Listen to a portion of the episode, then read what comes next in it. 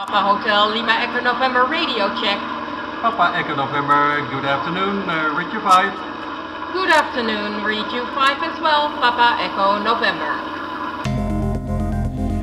Dit is Radio Moddergat, de wekelijkse bespreking van ontwikkelingen in bizarre tijden. Een hele goede vrijdagavond weer. Het is uh, alweer week 45 van uh, 2021. Ik moet dat er geloof ik wat vaker bij zetten. En zeggen, als je later nog zo'n uitzending terugluistert, dat je weet wanneer is dat nou eigenlijk geweest, deze uitzending. Nou ja, goed. Uh, we denken nog niet aan de, aan de toekomst en de historie van Radio Moddergat. daar zijn we nog niet. we zijn nog in de actualiteit, in de, in de dag, in de week, in de maand van, van nu. Dit is de laatste uitzending in de vorm van um, een, een 30 minuten uitzending. Um, over twee weken starten we met een, uh, een nieuw geluid. Uh, ook een, uh, wat ik noem een dubbel geluid, in de zin van dat een uitzending dan um, 60 minuten gaat duren. Weliswaar twee wekelijks, maar dan denken we toch dat we een, een betere uitzending kunnen maken als, als het een uur achter elkaar is. Iets meer rust in, de, in, in, in die uitzending. Nu is het toch wel wat proppen in het half uur. En dat hebben we gemerkt vorige week toen we nogal wat onderwerpen aankondigden. En uh, uiteindelijk uh, ja, maar een deel konden behandelen. Oké, vanavond dus, uh, alsnog zou ik bijna zeggen. Uh, nieuw medicijn zoekt zware COVID-patiënten. Maar waar zijn die? Europarlementariërs verzetten zich tegen de QR-code. In ieder geval als het ze nu zelf gaat treffen.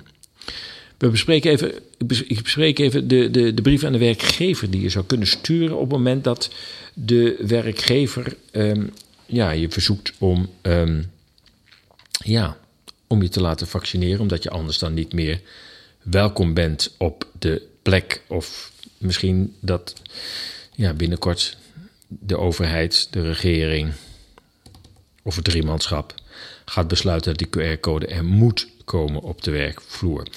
Uh, er komt een indringende waarschuwing uit Australië. Dat heeft mij wel kippenvel uh, bezorgd, eerlijk gezegd, toen ik, dat, ik dat zag en hoorde.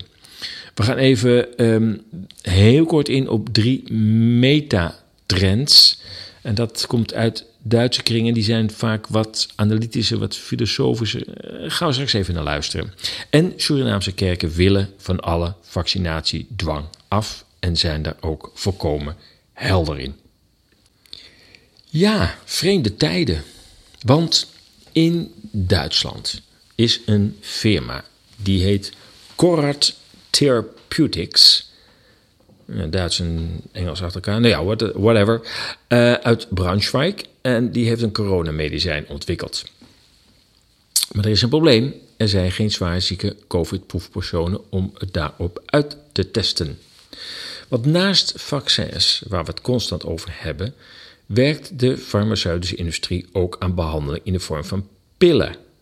Ik begrijp overigens ook dat ze werken aan een traditioneel vaccin, dus met een dood virus, zoals dat heet. Waarbij de kans op bijwerking een stuk geringer zal zijn bij, dan bij de huidige mRNA-vaccins. Enfin, hier gaat het om pillen. En het lijkt alsof de industrie de mensen nu wil bedienen die geen inenting willen en uh, daarmee alsnog een alternatief willen aanbieden.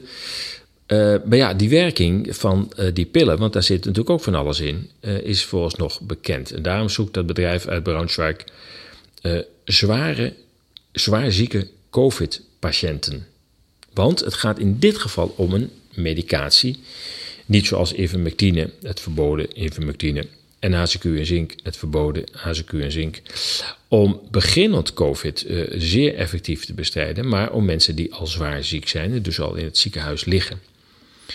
Uh, maar ja, daarvoor heeft men minimaal 400 proefpersonen nodig om de medicijnen te kunnen testen in de zogenaamde klinische fase. Maar ja, dan moet je wel 400 zwaar zieke COVID-patiënten hebben. En die blijken in Duitsland er niet te zijn. Uh, men is begonnen in de, uh, uh, het onderzoeksgebied Braunschweig, Leipzig en Tübingen. Ehm, daar waren ze sowieso niet. En het blijkt dat het in de rest van het Duitsland ook heel moeilijk is om 400 zware COVID-patiënten te vinden. Het gaat om het zogenaamde medicijn COR, COR 101. Eh, dat is de naam van het eh, eh, medicijn. En de Duitse omroep NDR die zei eh, het als volgt. Het in Braunschweig gevestigde bedrijf Conrad Therapeutics heeft een coronamedicijn ontwikkeld.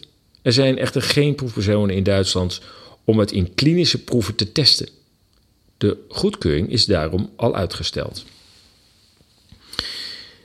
Ja, Conrad is overigens niet de enige die werkt aan een pilvariant. Ook de Amerikaanse Merck eh, werkt aan een nieuw antiviraal geneesmiddel. En dat moet dan gaan heten multipiravir. Multipiravir. Hoe bedenk je het? Goed, ehm, dit middel was ontwikkeld voor de behandeling van influenza, maar wordt nu aangeprezen als geneesmiddel voor COVID-19. Critici twijfelen echter aan de effectiviteit van het middel voor het bestrijden van COVID-19. De Amerikaanse FDA, Food and Drug Administration, behandelt het verzoek van Merck om het op de markt te mogen brengen.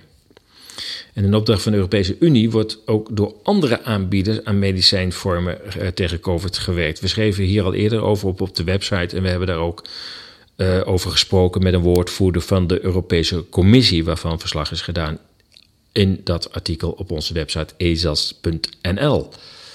Ja, oplettende uh, luisteraars zullen zich afvragen waar medicijnen als hydro, uh, hydrochloroquine, hydroxychloroquine, een verschrikkelijk woord, zeg maar HCQ, in combinatie met zink of ivermectine zijn gebleven. Het is opmerkelijk dat deze middelen tegen COVID stelselmatig in discrediet worden gebracht.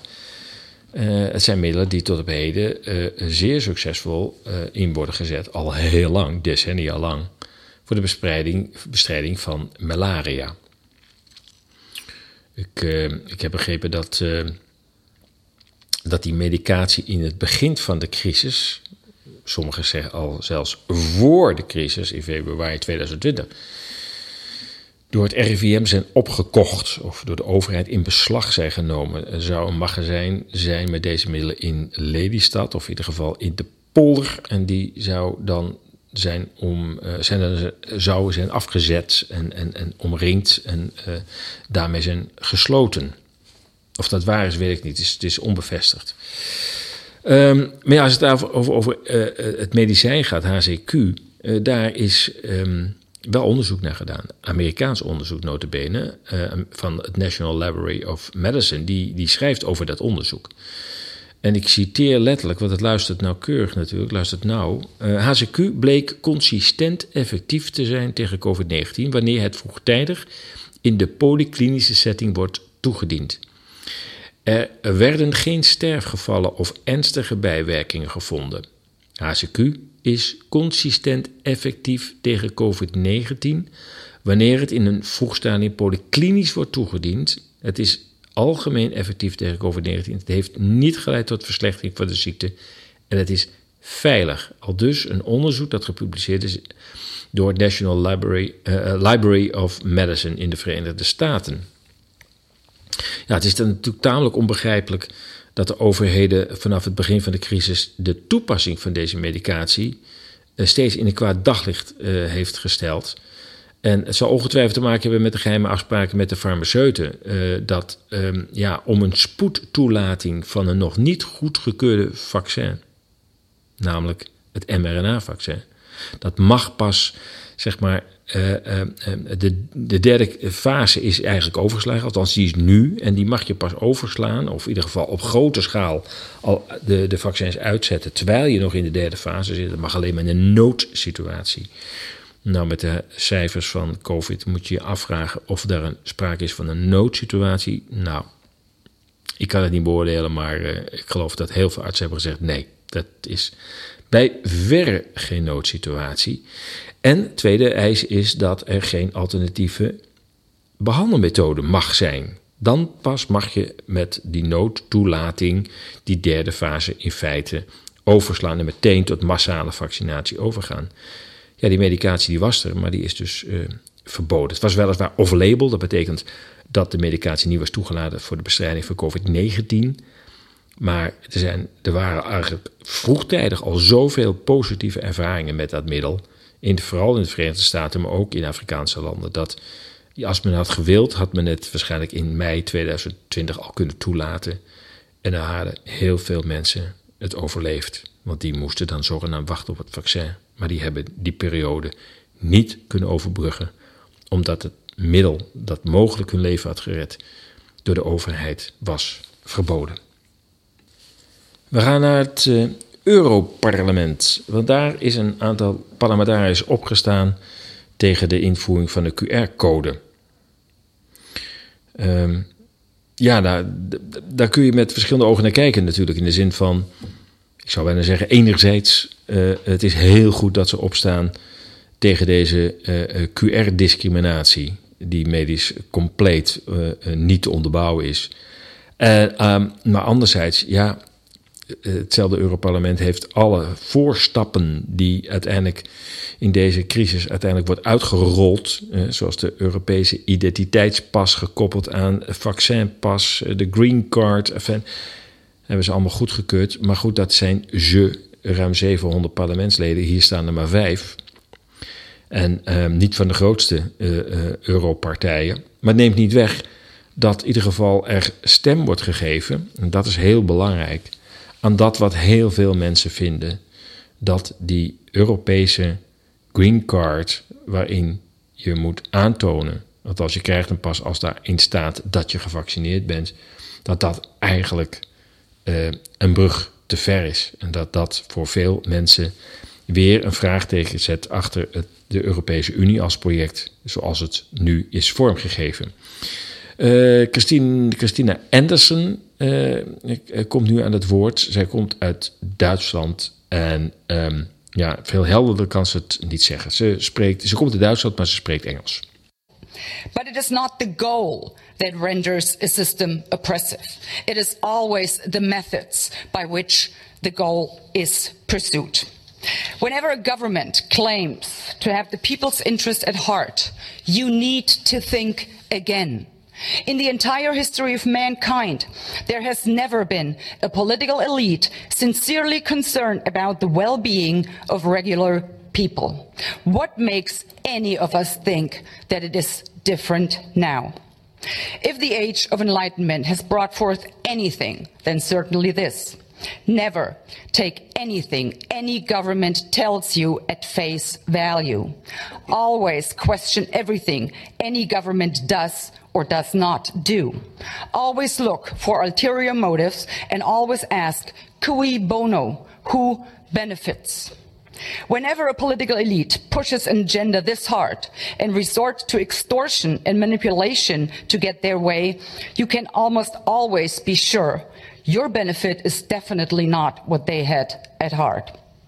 As far as I'm concerned, I will not be vaccinated with anything that has not been properly vetted and tested and has shown no sound scientific evidence that the benefits outweigh the disease itself and possible long-term side effects, which to this day we don't know anything about. I will not be reduced to a mere guinea pig by getting vaccinated with an experimental drug. And I will most assuredly not get vaccinated because my government tells me to and promises in return I will be granted freedom. Let's be clear about one thing. No one grants me freedom, for I am a free person. So I dare the European Commission and the German government. Throw me in jail, lock me up and throw away the key for all I care. But you will never be able to coerce me into being vaccinated if I, the free citizen that I am, choose not to be vaccinated. Nou, daar kunnen we het weer even mee doen. Heel helder. Uh, ik, ik, neem aan dat de meeste luisteraars Engels verstaan. Ze spraken toch heel goed uit. Uh, veel Duitsers spreken Engels tegenwoordig en dat was ook goed uh, te horen. Maar ja, de kern van haar verhaal is: ik ben een vrij persoon. En ik zal mijn vrijheid niet inruilen tegen het um, accepteren van een, een, een, vaccin, van een inenting, waarvan de vloeistof amper is gecontroleerd, amper is getest. Ik heb het onderzoek er nog niet bij gehad, maar er is ook een onderzoek bekend geworden in een New Medical Journal toch niet zomaar een blaadje op het medisch gebied. Waarin aangegeven wordt op basis van uitgelekte documenten dat de dat de Pfizer-vaccins helemaal niet zo deugdelijk zijn, ehm, zouden zijn getest. Die geruchten gingen al heel lang, eerlijk gezegd. Maar er schijnt nu ook een wetenschappelijk rapport te zijn uitgekomen op basis van uitgelekte documenten. Dat inderdaad er sprake zou zijn van een gebrekkige testperiode van de Pfizer-vaccins. Daar komt nog bij dat sowieso die derde fase helemaal niet is doorlopen. Sterker nog, iedereen die zich nu heeft laten vaccineren of alsnog laat doen, is onderdeel van die derde fase. En daarmee van de test die eigenlijk bij, met, alleen met een kleine groep had mogen worden uh, doorlopen. Goed, de brief aan de werkgever. Volgende onderwerp. Want er is natuurlijk nu heel veel druk ontstaan op mensen die een, een, een werkgever hebben, die in, in, dienstverband werken. En die nu te horen krijgen dat het kabinet, uh, ja, uiteindelijk de sinaasappel helemaal wel, het citroen helemaal wil uitknijpen. Uh, en iedereen die nu nog uh, niet gevaccineerd is, alsnog angst wil aanjagen. Door ook te verplichten dat je op de werkvloer uiteindelijk het vaccin moet hebben. En waarschijnlijk zal de, uh, de overheid het niet verplichten, omdat op de een of andere manier in de landen, ik geloof dat enkele landen dat wel hebben gedaan, maar dat zijn kleine staatjes die toch een zeer uh, discutabele reputatie hebben. Maar goed, dat hebben wij inmiddels ook. Uh, maar dat het net niet wettelijk verplicht wordt, maar dat de werkgever het recht krijgt om uh, het op te leggen. Dus dat is, dat is de strategie die steeds wordt gekozen, namelijk dat ehm, dat niet de regering het oplegt.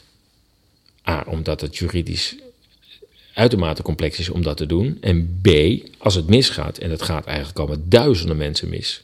Ja, duizend is eigenlijk zelfs nog laag. We weten dat er al meer dan anderhalf miljoen meldingen zijn in de EU-landen. Van middelzware en zware bijwerkingen. En meer dan 20, 25.000 gemelde doden in verband met de uh, uh, vaccins. Dus ja, die overheid wil daar niet te sprake voor zijn. Dus je speelt het elke keer weer over de band van, uh, ja, nee, ja, de, de, werkgever heeft gewoon het recht. Ja, veel werkgevers zullen dat doen. Ze weten ook, dat is natuurlijk het slimme van de strategie, dat de meerderheid al gevaccineerd is. En die meerderheid is deels bang en gaat dus tegen de werkgever zeggen, joh, ik vind alles best, ik kom best wel weer naar mijn werk, maar ik accepteer geen ongevaccineerde collega's naast mij. Voorkomen onterecht natuurlijk. Medisch slaat het nergens op. Maar die angst is gewekt. Die wordt ook, die wordt ook door, door de jongen constant maar uh, overeind gehouden en verder versterkt. Door te zeggen, ja, we hebben een pandemie van ongevaccineerden. Ja, daar nog even een puntje over. Want dat, wat mij opvalt is dat men er steeds over de, de risico's praat die ongevaccineerden met zich meebrengen. Maar misschien is het goed om even in te zoomen op die groep. Want die groep die zou nog nu anderhalf miljoen mensen 1,8 miljoen mensen beslaan. Maar als je kijkt naar de groep van ongevaccineerden, wie, wie, wie zouden dat zijn? Dat zijn mensen die dus al 19 maanden lang in deze verschrikkelijke pandemie overeind zijn gebleven. Dat zijn of mensen die hebben het al gehad, COVID, en die hebben daarmee een natuurlijke immuniteit bereikt. En daar is vriend de vijand het wel over eens. Zelfs de farmacie heeft dat bevestigd. Ja, beter dan een eigen immuniteit bestaat er niet. Het is, het is sterker. Het gaat langer mee. Sommigen zeggen bij sommige virussen kan het zelfs levenslang meegaan. En het is breder. Breder in de zin van niet alleen het stamvirus wordt effectief bestreden, maar ook haar varianten worden bestreden. Weliswaar op een lager niveau, maar worden nog steeds adequaat bestreden. Dat is de eerste groep uit die groep van niet-gevaccineerden. Daar heeft niemand zich nog zorgen over te maken. Die mensen hebben immuniteit. En de kans dat die het dus nog krijgen is minimaal.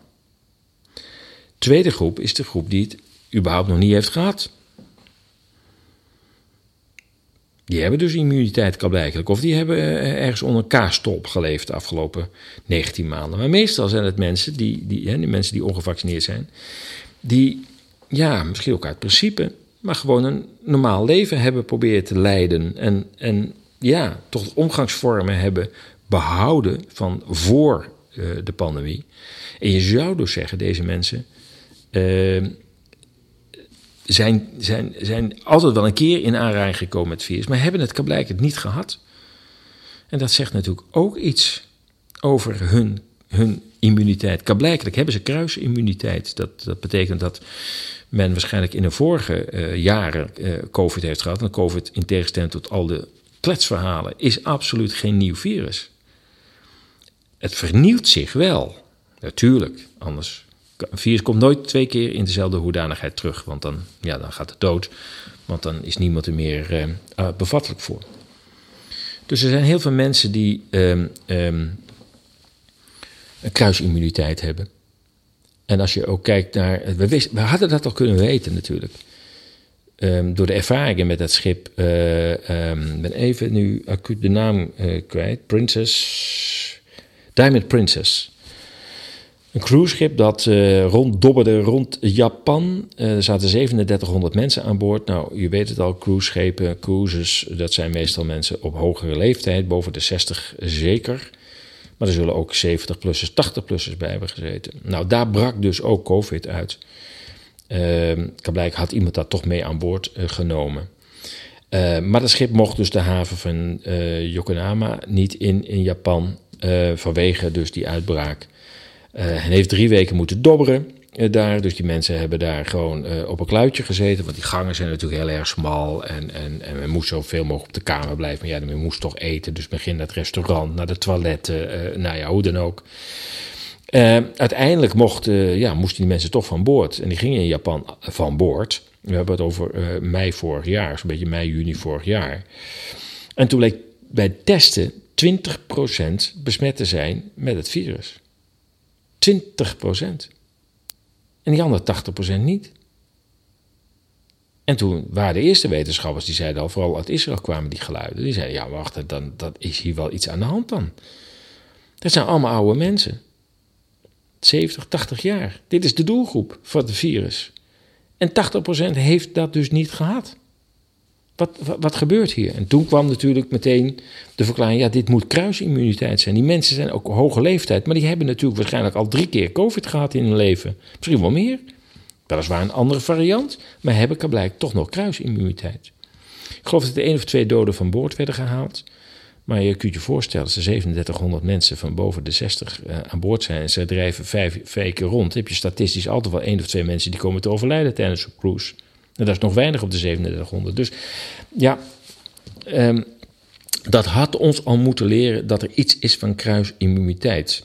De groep die nu niet gevaccineerd is, bestaat dus uit twee delen. De ene deel heeft het gehad, is immuun. Het tweede deel heeft het na 19 maanden nog niet gehad en zal waarschijnlijk wel immuun zijn, anders hadden ze het ook gehad. Het is de groep die je als in, in een vaccinatiecampagne op een gegeven moment ook kunt overslaan. Alle kwetsbare groepen, alle groepen die zich kwetsbaar menen, die heb je altijd in de eerste fase. Maar die laatste, nou ja, 20%, die het na zo'n lange tijd nog niet hebben gehad of goed zijn hersteld, ja, daar heb je eigenlijk helemaal geen omkijken meer naar. Dus uh, het is zinloos om daar die druk uit te oefenen. Het is een prestige kwestie geworden. Uh, de jongen heeft zich erin vastgebeten en lijkt er een soort wedstrijdje van te maken binnen Europees verband. Scorelijstjes. Wie heeft de hoogste vaccinatiegraad bereikt? Wie heeft zijn bevolking het meest kunnen afpersen? Met dreigingen. En de, het lijkt erop of, of de jongen daar bovenaan wil staan. Uh, Australië staat overigens ook laag. Ik weet niet het percentage, maar het schijnt tamelijk laag te zijn. Vandaar dat de Australische en ook Nieuw-Zeelandse regering de meest bizarre maatregelen afkondigt. Echt extreem tegen het. Nou ja, het is gewoon totalitair geworden. Om die bevolking maar te dwingen zich te laten vaccineren. En die bevolking wil het voor een groot deel niet. Oké, als je het op je werkplek uh, treft, moet even op de tijd letten, want daar gaan we weer. Want ik denk niet dat we toch nog weer alle onderwerpen kunnen behandelen. Nou, uh, heel kort. De brief aan de werkgever, hij staat op de website. De kern van de brief is dat je tegen de werkgever uh, zegt. ik heb recht op informatie over dat vaccin. En als jij mij dat verplicht, moet jij ook die informatie verstrekken. Ja, je bent geen arts, maar jij verplicht mij dit. Dus ja, dan zul je die in mij die informatie ook maar moeten geven. En die vragen over die informatie staan in de brief. Als je zegt, nou, dat zijn er te veel, dan kun je er een aantal weghalen als je dat wil. Dat is aan jou natuurlijk om met die brief om uh, te gaan. dus je vraagt naar die bijwerking. Je claimt ook het recht om je huisarts te raadplegen. Daar heb je recht toe. natuurlijk weet je ook wel dat je, veel huisartsen onder druk staan en ook nauwelijks meer tegen het vaccin durven te adviseren. Maar je hebt toch het recht om met je huisarts uh, uh, te spreken. En ik denk dat je ook, je moet realiseren, hoe jonger je bent, hoe ongunstiger de balans is tussen de risico's van ziek worden en risico's van het vaccin, van de bijwerkingen. Dus dat moet je ook even weten. Kijk even op de website uh, ezas.nl. Daar staat hij onder vaccinatiebrief aan werkgever. Die staat nog redelijk bovenaan. Ik heb hem laatst weer bovenaan gezet. En um, ja, maak er gebruik van. Hij is al duizenden keren gedownload. Um, dus um, ja, maak er gebruik van. Hij blijft er staan. Hij is gratis. en ik hoop dat je daarmee succes hebt. Dat als je gewoon gezond bent, dat je ook op je werkplek gewoon kunt werken. We gaan naar, naar Duitsland, naar een uh, hele mooie, korte, maar uh, zeer kernachtige analyse. Jetzt Covid das Virus und damit müssen wir, ja. Wir müssen gar nichts und ich bin der, also ich bin nicht bereit, für ein Virus sozusagen einen Zivilisationsbruch hinzunehmen. Ja, je luistert, je hoort uh, Ulrike Curo, Curo, een voor mij uh, tamelijk ongebruikelijke naam. Ze, is, ze komt uit Duitsland, maar het klinkt als een Franse naam.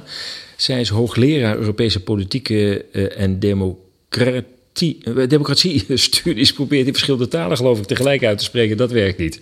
Dus nogmaals, zij is hoogleraar Europese politiek en democratie-studies aan de Donau-Universiteit Krems. Ze is ook stichter van het Europees Democratisch Lab in Berlijn. Um, ze is uh, freelance filmmaker, scenario-schrijver, journalist in Wenen. Oh, daar heb je het te Wenen, ja, ja.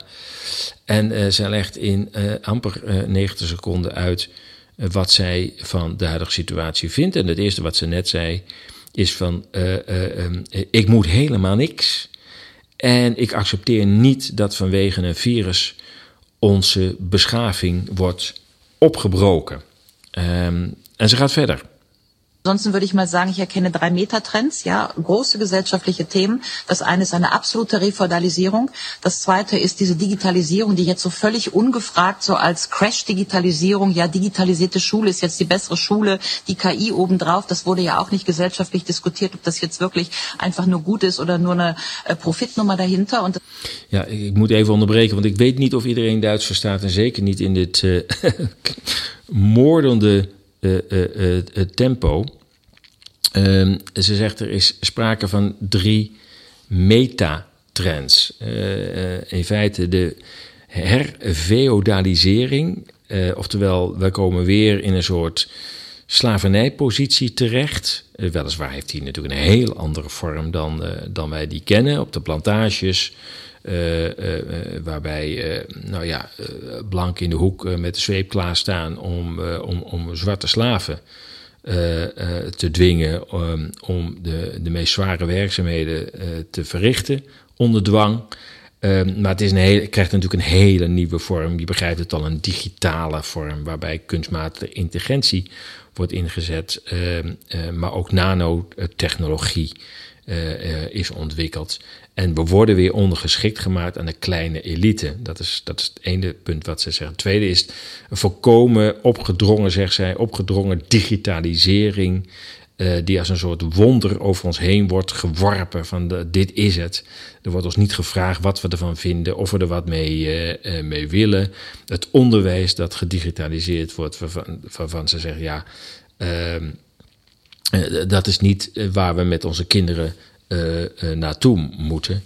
En uh, ze heeft ook nog een, een derde punt. Das dritte ist eine Hygienisierung der Gesellschaft, gegen die ich mich absolut wehre. Ja? Ich wehre mich gegen das technisierte Menschenbild, dass wir sozusagen irgendwie so äh, Roboter sind, die man jetzt mit Stäbchen und du bist geimpft oder noch nicht geimpft und dann musst du noch mal dahin, dann kriegst du deine Rechte erst später und so weiter. Das ist ja ein völlig technisiertes Menschenbild. Ja, uh, derde trend is voor haar de hygienisering van de samenleving. Uh, dat, dat we helemaal geobsedeerd worden door uh, gezondheid. Dat klinkt nog positief, maar eigenlijk zijn we geobsedeerd door de angst. De angst om dood te gaan. De angst om ziek te worden. Je ziet dat ook bij de grote drijvende krachten achter dat wat, met, wat, wat in het COVID-project zit. Klaus Schwab, eh, Bill Gates. Het zijn mensen die helemaal begaan zijn met, ja, we willen ouder worden, we willen er 30 jaar bij tikken. Hè. Daarnaast zijn er ook nog wel eugenics eh, eh, trends, daar gaan we het nu even niet over hebben. Maar het, het, het ouder willen worden, het, het, het maar niet ziek willen worden. Ja, Klaus Schwab is 80, die denkt misschien met deze trend nog eens er even 20 jaar, 30 jaar bij te kunnen tikken. Uh, uh, ja, dat is, dat is allemaal prima, maar daar hoeft hij natuurlijk niet de hele samenleving voor uh, mee te slepen. En Ulrike zegt ook, ja, ik, ik, ik, ik accepteer geen samenleving waarin ik via, via, via staafjes en testen en codes en elke keer maar weer moet bewijzen dat ik gezond ben. Wat is dit voor, een technologiseerd mensbeeld? dass sich von allen anthropologischen Grundkonstanten, die auf diesem Kontinent eigentlich als Kultur und Zivilisation verhandelt haben, entfernt. Aber Deswegen sage ich es nochmal. Notwendigkeit Ja, ja, vielleicht jetzt die Notwendigkeit müsste man auch mal dis diskutieren, ja, also welche auch Ich Industrien nicht, dahinter stehen. Aber ich sage es nochmal, Refeudalisierung, Hygienisierung und Digitalisierung sind die drei Trends, die ich da sehe. Beides sind für mich absolut anti-aufklärerische Trends und ich würde auch äh, darum bitten, dass wir diese Trends gesamtgesellschaftlich dringend diskutieren, bevor das hier einfach nur so durchgedrückt wird, ja, weil jetzt Covid das Virus und damit müssen wir, ja. Wir müssen gar nichts und ich bin der, also ich bin nicht bereit, für ein Virus sozusagen einen Zivilisationsbruch hinzunehmen, dass wir unsere Rechtsordnung über Bord kippen und so weiter und so fort. Und Ja, ja, ja, ja. Ulrike, die, als die helemaal op, de, op haar praatstoel eh, zit, dan eh, is ze niet meer bij te houden. Eh, maar ze zegt, ja, ik, ik, ik, ik offer de democratie eh, niet op voor deze gezondheidsmanie. Eh, ehm, en deze, deze technocratische manier van kijken. En het wordt tijd dat we nu eens deze discussie gaan voeren. Want we worden natuurlijk al anderhalf jaar, worden wij, wordt, onze hersencapaciteit voor 90% eh, wordt de processor daarboven in ons hoofd in beslag genomen door COVID, COVID en nog eens COVID. Maar ze zegt, eh, er zijn thema's die hieronder liggen, of misschien wel boven, hè, ethisch gezien, eh, die wij op dit moment zouden moeten bespreken. Hoe ver willen we met die technologisering gaan? Hoe ver gaan we met, met kunstmatige intelligentie? Eh, ehm, laatst was er nog eh, eh, een, een, waarschuwing eh, van, ben ik even zijn naam zo gauw kwijt. Misschien dat ik hem even zo gauw vind. Nou, ik, eh, Elon Musk, ja, hoe kan ik dat vergeten? Die waarschuwde voor dat, ja, hij zegt, ik, ik, ik, hou van techniek, maar met, of met, met kunstmatige intelligentie schieten we nu wel echt door. Langzamerhand beginnen wij eh, de- grip op, op kunstmatige intelligentie te verliezen. Het begint een eigen dynamiek eh, te krijgen. Maar ook die herfeodalisering die Ulrike aankaart... is natuurlijk iets waar we op moeten letten. Nou, eh, op moeten letten, wij worden daar nu onderdeel van. Hè? Langzamerhand zien we ons parlement wegsmelten in termen van invloed. We zien de media. Nou ja, er zijn vorige, in de- vorige Radio Morgen gaat vorige week hebben we het erover gehad. Dat er gelukkig ook hier en daar wat lichtpuntjes in de mainstream media ontstaan van kritiek. Maar het- het- dat het nog een pijler is van de democratie, de verdediger van de, van de, van de rechten. Ja, dat, is, dat, dat zijn de media al heel lang niet meer. En ik hoop dat dat weer een beetje terugkomt. Want eh, anders zijn we toch als samenleving een beetje eh, verloren. En dat is ook wat eh Ulrike zegt. Het wordt tijd om dit te bediscussiëren. En over tijd gesproken, eh, we zijn alweer over het half uur eh, heen. Dit was de laatste uitzending van Radio Moddergat in de huidige vorm. En ook de huidige maatgeving van een half uur. Nou, meestal liepen we wat uit, zoals nu ook weer. Eh, maar eh, een half uur komen we altijd tekort. En ik, ik, merk dat, dat ik wil, ook, wil het ook uitgebreid bespreken. Eh, niet zo afraffelen met een pingeltje en dan twee woorden en dan op naar het volgende item. Eh, dus een half uur is te weinig. dus daarom gaat Radio Moddergat over twee weken naar een uur. Weliswaar, omdat het natuurlijk veel meer tijd kost om het voor te bereiden. eh, ook maar eens in de twee weken. En dat gaat gelijk lopen met, ehm, met de nieuwsbrief. De nieuwsbrief krijgt ook een andere functie. De nieuwsbrief gaat de podcast ondersteunen. Dus dat betekent dat onderwerpen die in de podcast aan de orde komen, worden toegelicht eh, in de nieuwsbrief. Daar kan ook beeldmateriaal bij zijn, er kunnen links bij zijn, er kunnen bronnen bij zijn, verwijzing naar documenten. Ehm, ehm, kortom, eh, die, die brief die ondersteunt dan die podcast, dan hè, die uitzending. Ehm, daarom wordt hij ook gelijktijdig verzonden. Nou, dus op vrijdagavond, eh, de, de, de, de nieuwsbrief gaat naar de vrijdagavond. Het is nu steeds zondagochtend geweest om 10 uur. Uh, overigens in november zijn we er een jaar uh, mee onderweg met de nieuwsbrief. Dus dat klein verjaardagje eigenlijk. Hè? Hiep, hiep, hiep, hoera. Uh, maar goed, hij gaat van de zondagochtend naar de vrijdagavond. Dan krijg je hem rond een uur of zes in je bus. En dan zo ook rond die tijd, misschien een uurtje later, acht uur, ehm, zal de podcast live komen. dat kunnen we nooit, dat, dat, dat kan ik nooit precies plannen, omdat uh, het loopt via SoundCloud, dat is de host. En dan wordt het via RSS, uh, RSS ja, uh, doorgestuurd naar TuneIn, Apple en, um, en Spotify. En dat proces dat varieert nogal een beetje in de tijd. Dus ik kan dat niet precies zeggen. Maar ga er maar vanuit dat zo rond 8 uur zowel de nieuwsbrief hebt ehm, als de podcast. En die nieuwsbrief, klik die aan. En dan krijg je ook meteen een beeld. Hè? Dus als ik het over een bepaalde foto heb of, of, of een bepaalde video, dan kun je hem ook meteen in de nieuwsbrief um, aanklikken en bekijken. Dus het wordt veel rijker, zeg maar. Dus het wordt nogal wat anders. Dat is um, absoluut zeker. Ik zie er heel erg naar uit. Het zal ook een iets ander geluid krijgen. De tunes, uh, uh, maar ook de intro met uh, Hallo Scheveningen Radio, Scheveningen Radio. De, de, verdwijnt. De tune die we direct gaan gebruiken als einde verdwijnt ook. Ehm, ja, dat is een stukje vernieuwing. We hebben een nieuwe tune pakket aangeschaft. Dus, allemaal anders. Over twee weken. Er is nog een weekje even in Nederland op, op vakantie. Even, even chill. Um, even eruit, de hersenen een ander perspectief uh, geven. En dan, ja, dan hoor je Radio Moddergat in de nieuwe uitgave over twee weken. Goed, omdat we voor het laatste de tune laten horen, laten we hem ook helemaal uh, horen, eens een keer integraal. Ehm, nogmaals, dank voor het luisteren. Als je ehm, de podcast waardeert en onze artikelen Ga dan even naar onze donatiepagina. Alle donaties worden gewaardeerd. Deel onze artikelen. Deel deze podcast. En wij horen elkaar weer precies over twee weken. Ik wens je een heel prettig weekend. Papa Hotel Lima Echo November Radio Check. Papa Echo November, good afternoon, uh, read you 5. Good afternoon, you 5 as well, Papa Echo November.